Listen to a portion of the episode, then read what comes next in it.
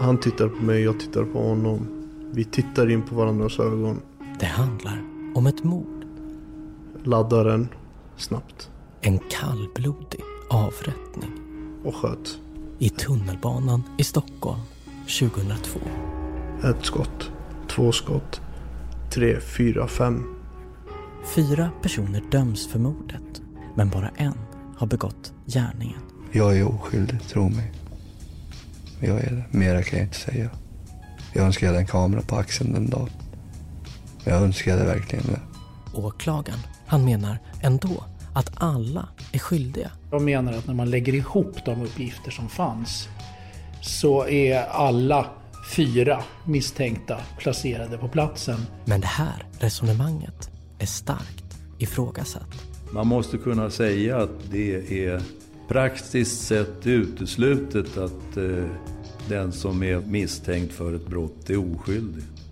Och det kan man inte göra på den här bevisningen. Det här är Spår, säsong 2. Rinkebymordet.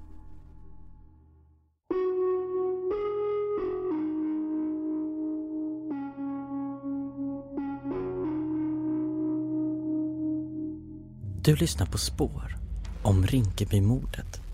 Första delen. Upptakten. Jag heter Martin Jonsson.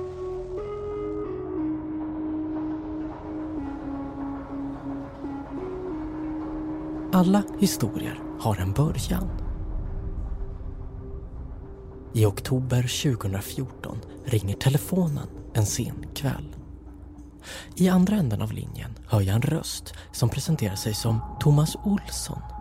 Advokat Thomas Olsson. För er som inte vet vem han är så är han den advokat i Sverige som lyckats med mest resningsansökningar och arbetade med fallet Thomas Quick.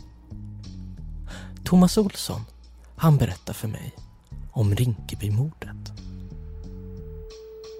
Det var strax före midnatt som en 19-årig man blev skjuten till döds av flera skott i tunnelbanan i Rinkeby. Skotten avlossades av en jämnårig man på nära håll och 19-åringen avled omedelbart av skadorna. Om att tre bröder och en kusin dömdes för ett mord. Enligt vittnen ska en person ha hållit i vapnet men haft sällskap av flera andra ungdomar. Och att den äldsta utav bröderna dömdes till livstid. Idag föll domarna mot de fyra män som åtalats för mordet på en 19-åring i Rinkeby i nordvästra Stockholm i februari. En 29-åring dömdes till livstids fängelse. Thomas Olsson, han berättar att det här är ett fall som han ibland, några gånger per år, vaknar och tänker på. Det är en historia som han säger handlar om tre bröder, två barndomsvänner, två mobiltelefoner, ett vapen och en avrättning. Det, det bestående minnet av just det här målet är ju just den här... Eh, eh, det är ju alltid svårt att ta på, men, men det förefaller ha funnits en väldigt stark benägenhet, eller till och med önskan, att, att döma alla eh, fyra för det här mordet. 2002 var Thomas Olsson försvarsadvokat åt den äldsta av bröderna. Han heter Öskan Gildis. Thomas Olsson, han menar att domen mot de tre bröderna och kusinen är fundamentalt fel. Framförallt domen mot den äldsta av bröderna, Öskan Gildis. Han som dömdes till livstid. De här domarna är felaktiga och Öskan är felaktigt dömd. Eh, och, det fanns inte tillräcklig bevisning för att eh, döma honom till livstidsfängelse. Faktum är att man, man, har ingen som helst utredning överhuvudtaget som bekräftar att han har befunnit sig på plats. Än mindre att han har medverkat till eh, skjutningen av Rado. Utan eh, det är rena spekulationer från domstolarnas sida. Jag bestämmer mig för att ta reda på om det som advokat Thomas Olsson säger stämmer. Om det är sant. Och dras in i en annan värld. Och in i en annan tid. Nästa Tensta. Det har gått 13 år sedan nu mordet begicks. Solidaritet står det här på. Tillsammans med min kollega Anton Berg så åker vi den 26 februari 2015, alltså samma dag då avrättningen skedde till Tensta, för att följa den mördade Rado Asinjas sista tid i livet. Så här någonstans på, på bänkarna här så satt eh, Rado de sista, sista ja, halvtimmen i livet egentligen. Och han satt eh, tillsammans eh, med en vän och Rado berättar för sin kompis då att han är eh, om, en, om en tjej han är, han är hemligt, hemligt kär i. Eh, och den här kompisen, eh, han försöker övertala Rado att han ska komma hem till honom i Tensta och eh, käka middag, käka senmiddag. Så han sitter här och hans bästa kompis kommer hit, eller en av hans bästa, bästa kompisar kommer hit och ber honom, att häng med på en sen middag. Mm. Uh, och så säger han nej. Nej, jag ska hem liksom. Jag åker till Rinkeby. Mannen som hade en personlig fejd med den mördade Rado Asinja är just den yngsta av de tre dömda bröderna. Oran. Oran Gildis. Oran, han är lika gammal som jag, född 1984. 2002 är vi alltså 17 år. Men till skillnad från mig så har Oran som 17-åring nästan 80 stycken anmälningar i brottsregistret. Så han ska ju bara åka en station. Så att han, eh, han, är, ju, han är ju verkligen inte långt hemifrån liksom. I socialens många rapporter kan man läsa saker som Orhan är en pojke med turkiskt ursprung. Hans brottskurva är mycket alarmerande. Den kvällen för 13 år sedan, den 26 februari, har Orhan en pistol i fickan. Offret, Radu Asinja, han har en nyckelknippa. Och det, det finns bara en utgång i Rinkeby så han, han går ju samma väg som vi gör nu.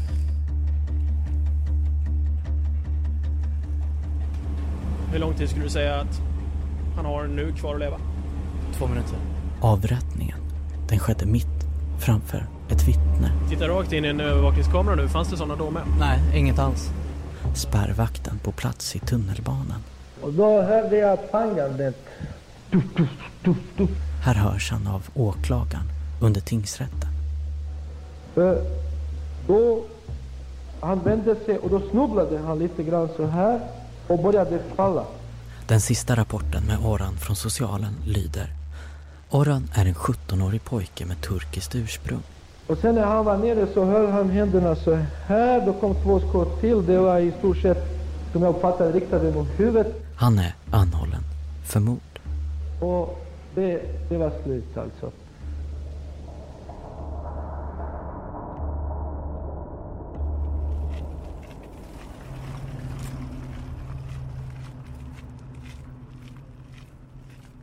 Den yngsta av de dömda bröderna, Orhan Yildiz, han föddes i Gävle. Och idag bor hans mamma och pappa där. Jag reser dit för att försöka få en bild av Orhan genom föräldrarnas ögon.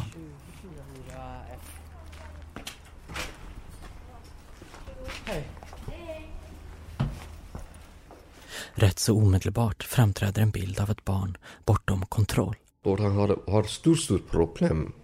Och flera gånger de, de om, om, omhändertagit honom. Han har ADHD. Jo, det är sant. Han sitter inte, han sitter inte. Och han är, gör panik. Han är lång, nästan, nästan två meter. Och han är som en björn. Och sen en gång, vi kommer Sollentuna, vi ska gå hem. Och sen två killarna, de kollar på oss. De kollar på mig. Och bara Orhan sprang på en gång. Vi var tillsammans jag och Orhan. Och han sprang. Och stackars killarna, bam, bam, bam, så bara killarna ramlade. Och sen jag gick till honom, vad fan, vad gör du? Jo, han, varför de kollar på dig? Varför de kollar på dig? Och stackars killarna tar ut. Han sa, vad fan vi har gjort det? Han sa, varför ni kollar min pappa? Han bara, pam, pam, pam, så börjar killar på golvet. Och varför de tittar på oss? Han är så.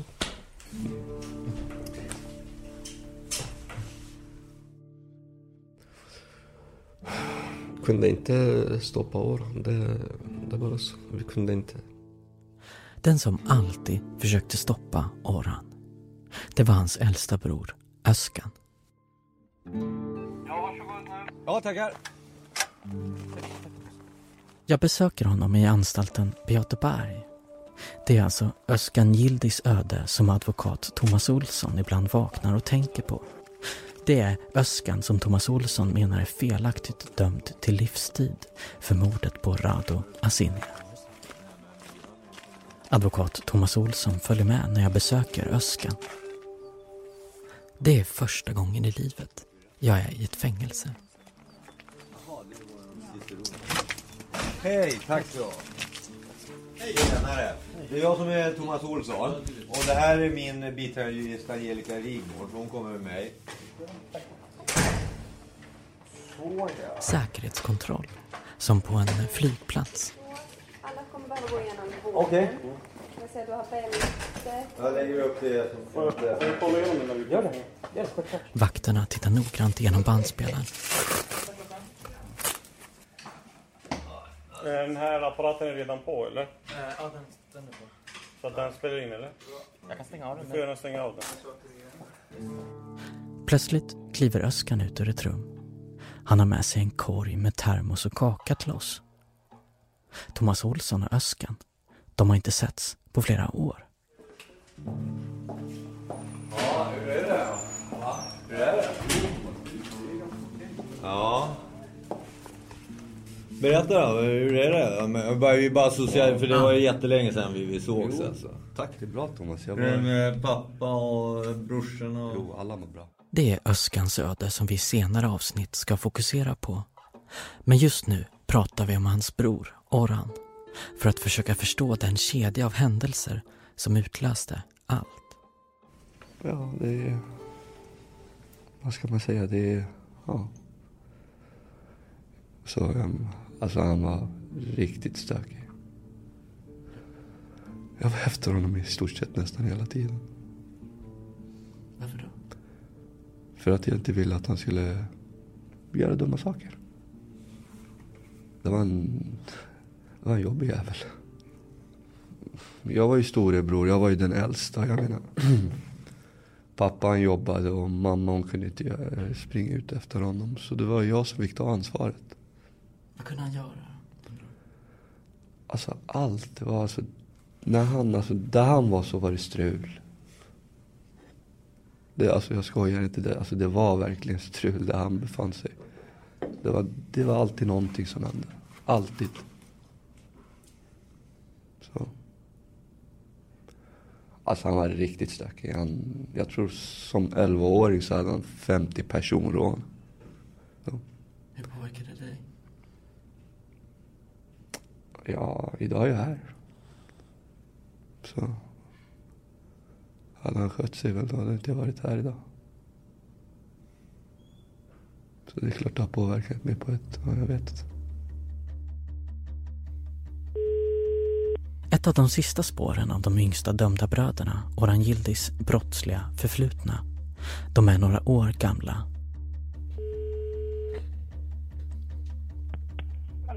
Då stoppar polisen honom. I bilen har han en pistol, en skyddsväst och en kommunikationsradio. Jag tänkte också fråga dig eh, om, om du tror att det skulle vara möjligt för dig att förmedla kontakt till eh, Oran. Enligt egen förklaring är det för att skydda sig från eventuella hot för det som händer då, den där kalla natten i Rinkeby.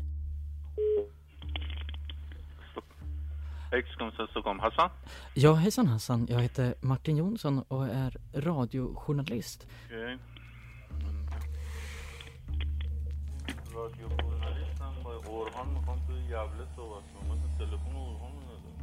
Den yngre brodern Orhan Gildis är inte helt lätt att få tag på. Personen du söker kan inte nås för tillfället. Men du kan skicka ett sms till den du söker med information. Det tar nästan en månad att ringa runt till alla de olika icke-fungerande numren innan han svarar. Hallå? Okej. Ja, hejsan. Eh, har jag kommit till Oran? Ja. Vad hette du sa du? Mart- Martin Jonsson. Martin Jonsson. Okej Martin, Ja, vi kan göra ett möte nu. Det kan vi göra. Du hittar mig, jag finns i Sollentuna där, till Mallvägen i Sollentuna. Hej.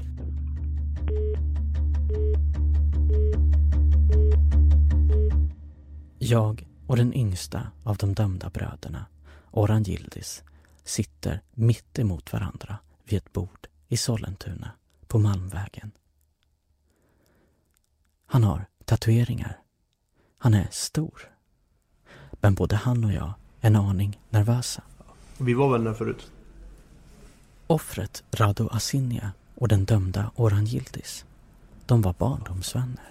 Vi kände varandra förut. eh, Eftersom eh, jag bodde i, Rinkeby och var mestadels i Sollentuna. Sollentuna var ju min, eh, min hållplats om jag säger så. Alltså jag var ju alltid här. Det hela började med mitt liv om jag får ta det. Jag började i Rinkebyskolan. Vi bodde i Gävle, flyttade till Rinkebyskolan. Det började med en dag att de, några snodde min skor. Eh, då var det eh, skor av märke Fila. Jag fick gå hem eh, eh, utan skor. Jag kände mig förnedrad. Eh, då utmanade jag många i Rinkebyskolan. Jag utmanade jättemånga i Rinkebyskolan. Jag slog många i Rinkebyskolan. I Rinkebyskolan, det fanns olika, eh, två, tre skolor. Mitt namn började ploppa upp rätt mycket. Jag blev ju mycket respekterad för mina eh, kamper, om jag säger så, fighter. Och eh, då var det ju den här kretsarna liksom, ja men han slåss bra, han är duktig. Och vi känner varandra, vi vet vem, vilka vi är och så vidare. Och eh, men eh, det var en, en kamp som skulle växa sig som, eh, som inte blev någonting då utan eh, men som blev på någonting helt annat. Men som har legat till grund för länge, länge, länge sedan. How would you like to look five years younger? In a clinical study, people that had volume added with Juvederm Voluma XC in the cheeks perceived themselves as looking five years younger at six months after treatment. Look younger, feel like you. Add volume for lift and contour in the cheeks with Juvederm Voluma XC. Reverse signs of aging by adding volume to smooth laugh lines with Juvederm Volure XC. For important safety information and to find a licensed specialist, visit juvederm.com. That's J U V E D E R M.com. Not for people with severe allergic reactions, allergies to lidocaine, or the proteins used in Juvederm. Common side effects include injection site redness, swelling, pain, tenderness, firmness, lumps, bumps, bruising, discoloration, or itching. There's a risk of unintentional injection into a blood vessel, which can cause vision abnormalities, blindness, stroke, temporary scabs, or scarring. Talk to a licensed specialist to find out if it's right for you. Life is full of awesome what ifs, and some not so much, like unexpected medical costs. That's why United Healthcare provides Health Protector Guard fixed indemnity insurance plans to supplement your primary plan and help manage out of pocket costs. Learn more at uh1.com. Den yngsta av de dömda bröderna, Oran.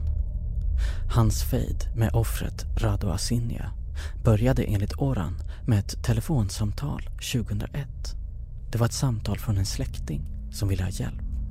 Den mördade Rado Asinja och den yngre brodern Oran Gildis kände som sagt varandra. Men de hade aldrig varit i otal med varann. Men 2001 så skulle det förändras av det där telefonsamtalet. När släktingen till Orhan behövde hjälp.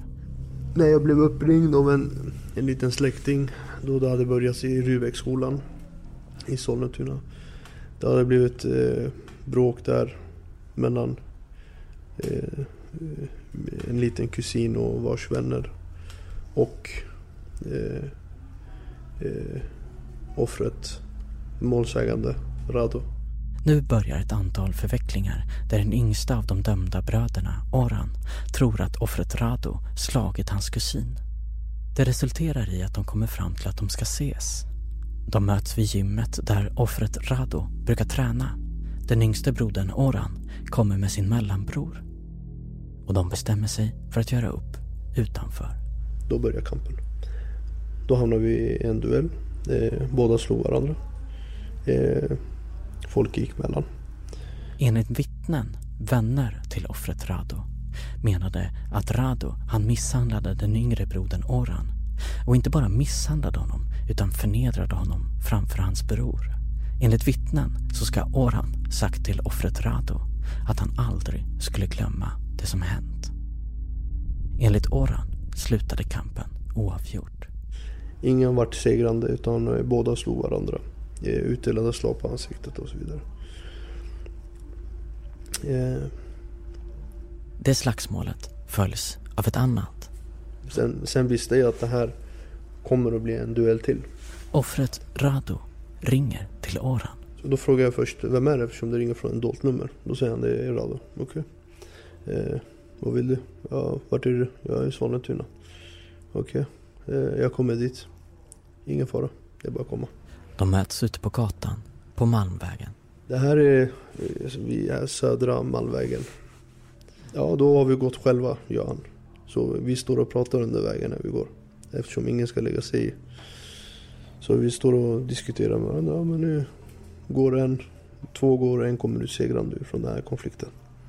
Okej, så vi går in i en port här borta. Eh, eftersom jag var ju längre, han försökte komma in mot mig så jag fick in en, en rejäl smäll. Jag slog honom så hårt så att eh, blödde från hans näsa.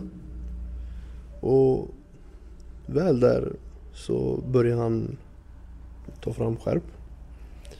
Och veva med skärpen. När jag går in mot honom så får jag en smäll på min läpp som jag fortfarande är idag här.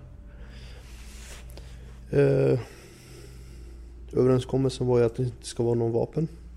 Eh, alltså enligt mig kom jag ut segrande. Enligt honom var han segrande. Och eh, kommer vi in på den här 25. Den 25. Dagen innan offret Rado Asinia avrättas i tunnelbanan i Rinkeby.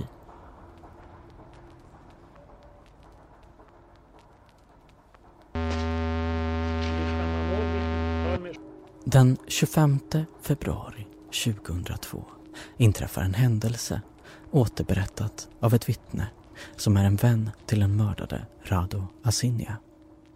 Det är en händelse som både tingsrätt och hovrätt menar knyter även den äldsta brodern Öskan Gildis till mordet på Rado Asinia. Jo, får jag fråga? Ja, tack. Ja, du ska ju höras om dina kontakter med Rado Axina och vad som hände under dygnet den 25-26 februari i år. Båda domarna menar att familjebanden är så starka i familjen Gildis så att även fast det bara är den yngre av de dömda bröderna som har en konflikt med den mördade Rado Asinje så blir det även automatiskt de andras konflikt. Det här är en händelse som bara är styrkt av det här vittnesmålet. Det finns inga andra bevis för att det ska ha inträffat än den historia som ni nu kommer att få höra. Jag kan väl börja med att berätta. 25 februari, det är en måndag i sportlovsveckan. Det här är en inspelning från rättegången när offret Rado Asinjas vän blir förhörd av åklagaren Henrik Söderman. Det är dagen innan Rado avrättas. Vi var ute och sprang lite och så, jogga. Den nu mördade Rado Asinja och hans vän är ute och springer. Jag och Rado. Sen kom det en svart Volvo, du vet. Den stannade framför oss och Rado sa akta, akta, du vet. Så hoppar de ut, två stycken. Då den här Önder och Öskan hoppar, de, hoppar ut. Okej. Hur vet du att det var Önder och Öskan? Jag, jag kände igen Önder. Sen jag frågade Rado, vem var den andra personen? Han Okej. sa det var Öskan. Enligt vittnet springer den äldsta brodern Öskan mot Rado och ska slå honom. Han skulle ge en knytnävsslag, du vet. Han bara, har du problem så skulle han ge en smäll. Så han missade, du vet. Sen Okej. sprang de till bilen och hämtade vapen. Vapen, en fjäderbatong och snart också en pistol. Sen, vet, Önder hade fjäder, äh, så här batong, du vet. Och så gick den här Öskan till bilen, han hämtade någonting. Rado sa, han har pistol, han har pistol. Så vi sprang därifrån. Du. Jag frågade honom, vilka var det där och så, varför ville de göra så och så. Vad svarade han på det då? Sen han berättade att han hade haft otalt med den här Orhan och så. Okej. Så det var därför allting... Det var därför allting, säger vittnet. Kanske menade han allting började. Det som ledde till avrättningen nästa dag.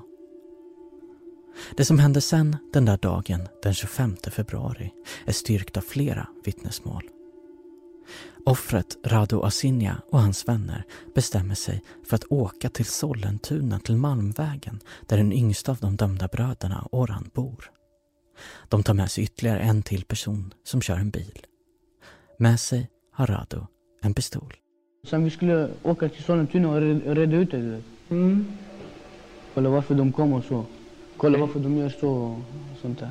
Så här berättar den yngsta av de dömda bröderna, Orhan Yildiz, om den natten när offret Rado Asinja och hans vänner kommer till Malmvägen. Det var en, eh, en, en vinterkväll, kallt. Kommer en ung kille upp, föreningen. Du, de är här sen. Vem är de? Han var Rado och hans kompisar. Vart då någonstans? Där nere, säger de.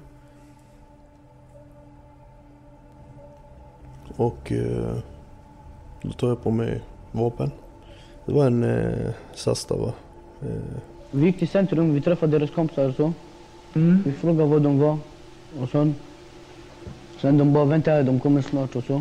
Och de var många, vi var bara tre stycken där. som tänker för mig själv. Det här är, det här är våran territorium, Malmvägen. Snart. Skottlossning. Så när jag går upp så ser jag här ovanför Malmvägen så finns det räcke. Så ser jag tvärs över gatan. Och sen skriker jag. Han ser min riktning alltså. För att det finns ju lampor uppe. Tar han fram vapen. Så jag bara pang, pang, pang. Pang, pang skjuter. Jag hade ju semiautomat så jag trycker på. Och då hinner de springa under eh, gångbron här borta. Jag sprang in i bilen så Rado han gömde sig, han hann inte springa. Han gömde sig bakom trädet och så.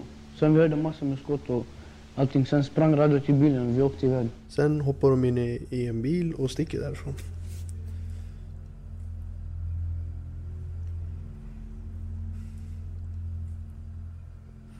Och sen går jag för mig själv. Då jag är här uppe och samlar alla hylsor som jag hade skjutit. Jag Försöker tända lampan på mobilen och kolla liksom alla hylsor som jag har skjutit. Stänger igen och sen kastar jag dem. Så under tiden jag går och kastar dem så tänker jag för mig själv liksom. Fan, han hade vapen. Jag bestämmer mig för att åka till Rinkeby. Alltså det var ju samma kväll. Mer eller mindre under natten. Eh, ska markera honom. Ska göra samma sak.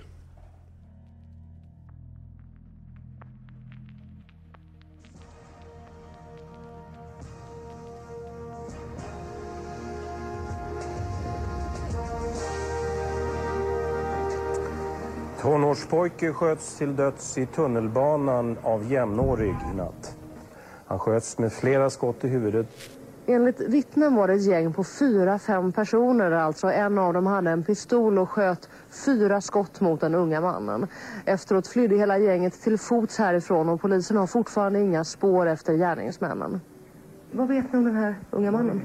Ingenting i nuläget. Han är oidentifierad. Han har inga ID-handlingar på sig. Men även fast polisen inte vet vem som skjutit så vet människor ändå. Och redan samma natt, strax efter mordet skett, så ringer det i Orans pappas telefon. Jag fick klockan, jag vet inte, det är någon som har ringt till mig. Som en kompis som jag känner. Han har ringt till mig. Det var din son har skjut. Och sen jag sprang ner. Orans pappa han springer ner till tunnelbanan. Där ligger Rado. Ja, när jag kommer dit, han var precis på hörnet. Han var på, precis på tunnelbanan. När man går in på vänster sida, han var precis på hörnet. Och det var alla folk var omkring honom. Han är på golvet. Och han bara gör, han var så hela tiden. Och sen, jag kommer hem. Och sen jag letade efter honom. Han var någonstans. Tyvärr jag inte hittade honom heller. Samlas ni, familjen då, ni andra i familjen på något sätt? Nej, nej. Nej, nej. Det var jag och hans, hans mamma. Men det är inte alls familjen. Det är för att Min son, det är klart, jag lämnar besked till min bror. Jag också lämnar uppgifter som jag, eh, som de äldre med jag har lämnat uppgifter. Och det var Orhan som har skjutit en kille. Samma kväll så vet alltså stora delar av familjen Gildis vad som hänt. Att Orhan skjutit ihjäl en människa. Och jag visste inte vem det var. Eller, en, eller han är, jag visste han är utländsk, men de är starkare med oss. Kanske är de maffia, de, jag visste inte. Jag var beredskap hela tiden, de kommer att attackera hem. Men det, de har inte gjort det. Och, jag kunde inte sova hela natten, hela tiden. Och det hänger inte någonting. Öskan, den äldsta brodern, alltså han som är dömd till livstid i fängelse. Han säger att han inte ens var i stan natten då mordet skedde. Utan han var i Gävle och sov över där. Det var, åkte upp till Gävle då, kommer kom jag ihåg. Körde upp min farbrors dotter. Julia heter hon och jag körde upp henne, upp, ja, skjutsade upp henne till Gävle. Var jag där. Sov över och sen fick man höra dagen efter vad som hade hänt. Vad tänkte du då?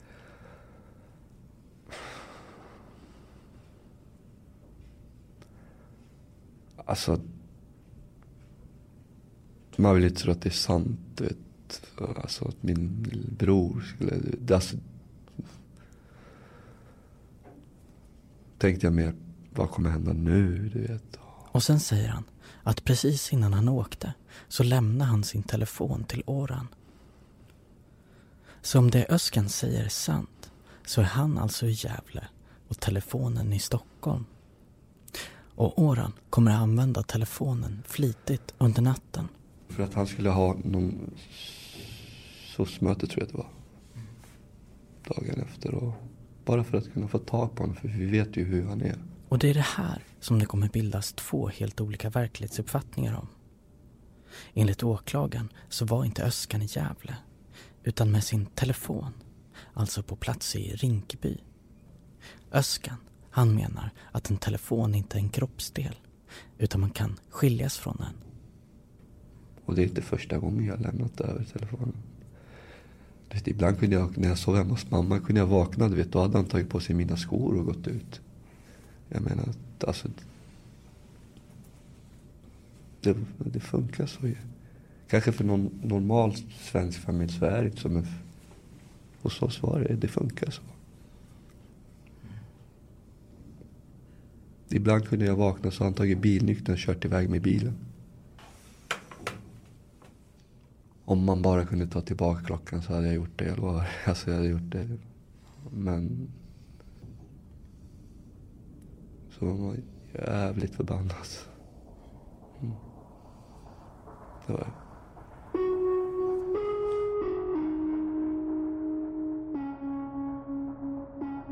I nästa avsnitt av Spår. Då, då ser jag mig bak. Då ser jag, alltså jag lovar dig, det är 13 polisbilar. Det är som om presidenten kommer. Mordutredningen börjar och polisen är Oran och hans bröder snabbt på spåren. Jag har en svag minne av att jag såg tre maskerade män rikta vapen mot mig. Det var väldigt rökigt hemma och så hörde jag massa smällar och du vet. Så här, det small ordentligt. Men väl gripna kommer de börja ljuga. Så jag blånekade hela vägen. Jag tänkte, jag är lite egoistisk, jag tänkte på mig själv. Vilket kommer få konsekvenser. Det är inte min sak att sätta dit min bror. Jag vet att allt han har gjort är fruktansvärt men det gick bara inte. Speciellt när alla blir utpekade av ett vittne. Vil, vilka är där på platsen då? Alla fyra. Och hur, hur gick det där till då? då? Ja, då, då berättade de att det var de som hade gjort det. Ett vittnesmål som kommer att bli starkt ifrågasatt. Och vad som sen hände i hovrätten var tydligen eh, att man hade gått väldigt mycket på hans uppgifter när det gäller andras agerande. Och det förvånar mig. Är det vanligt? Nej, det är inte vanligt. Det är... Ja, jag tycker det är felaktigt helt enkelt att göra så. Spår görs av produktionsbolagen Ljudbang och A1 i samarbete med Acast. Ljudtekniker är Mikael Brodin. Researcher Lisa Domelin. Exekutiv producent på Acast är Carl Rosander. Fortsätt diskutera spår med oss, Martin Jonsson och Anton Berg under hashtag Rinkebymordet.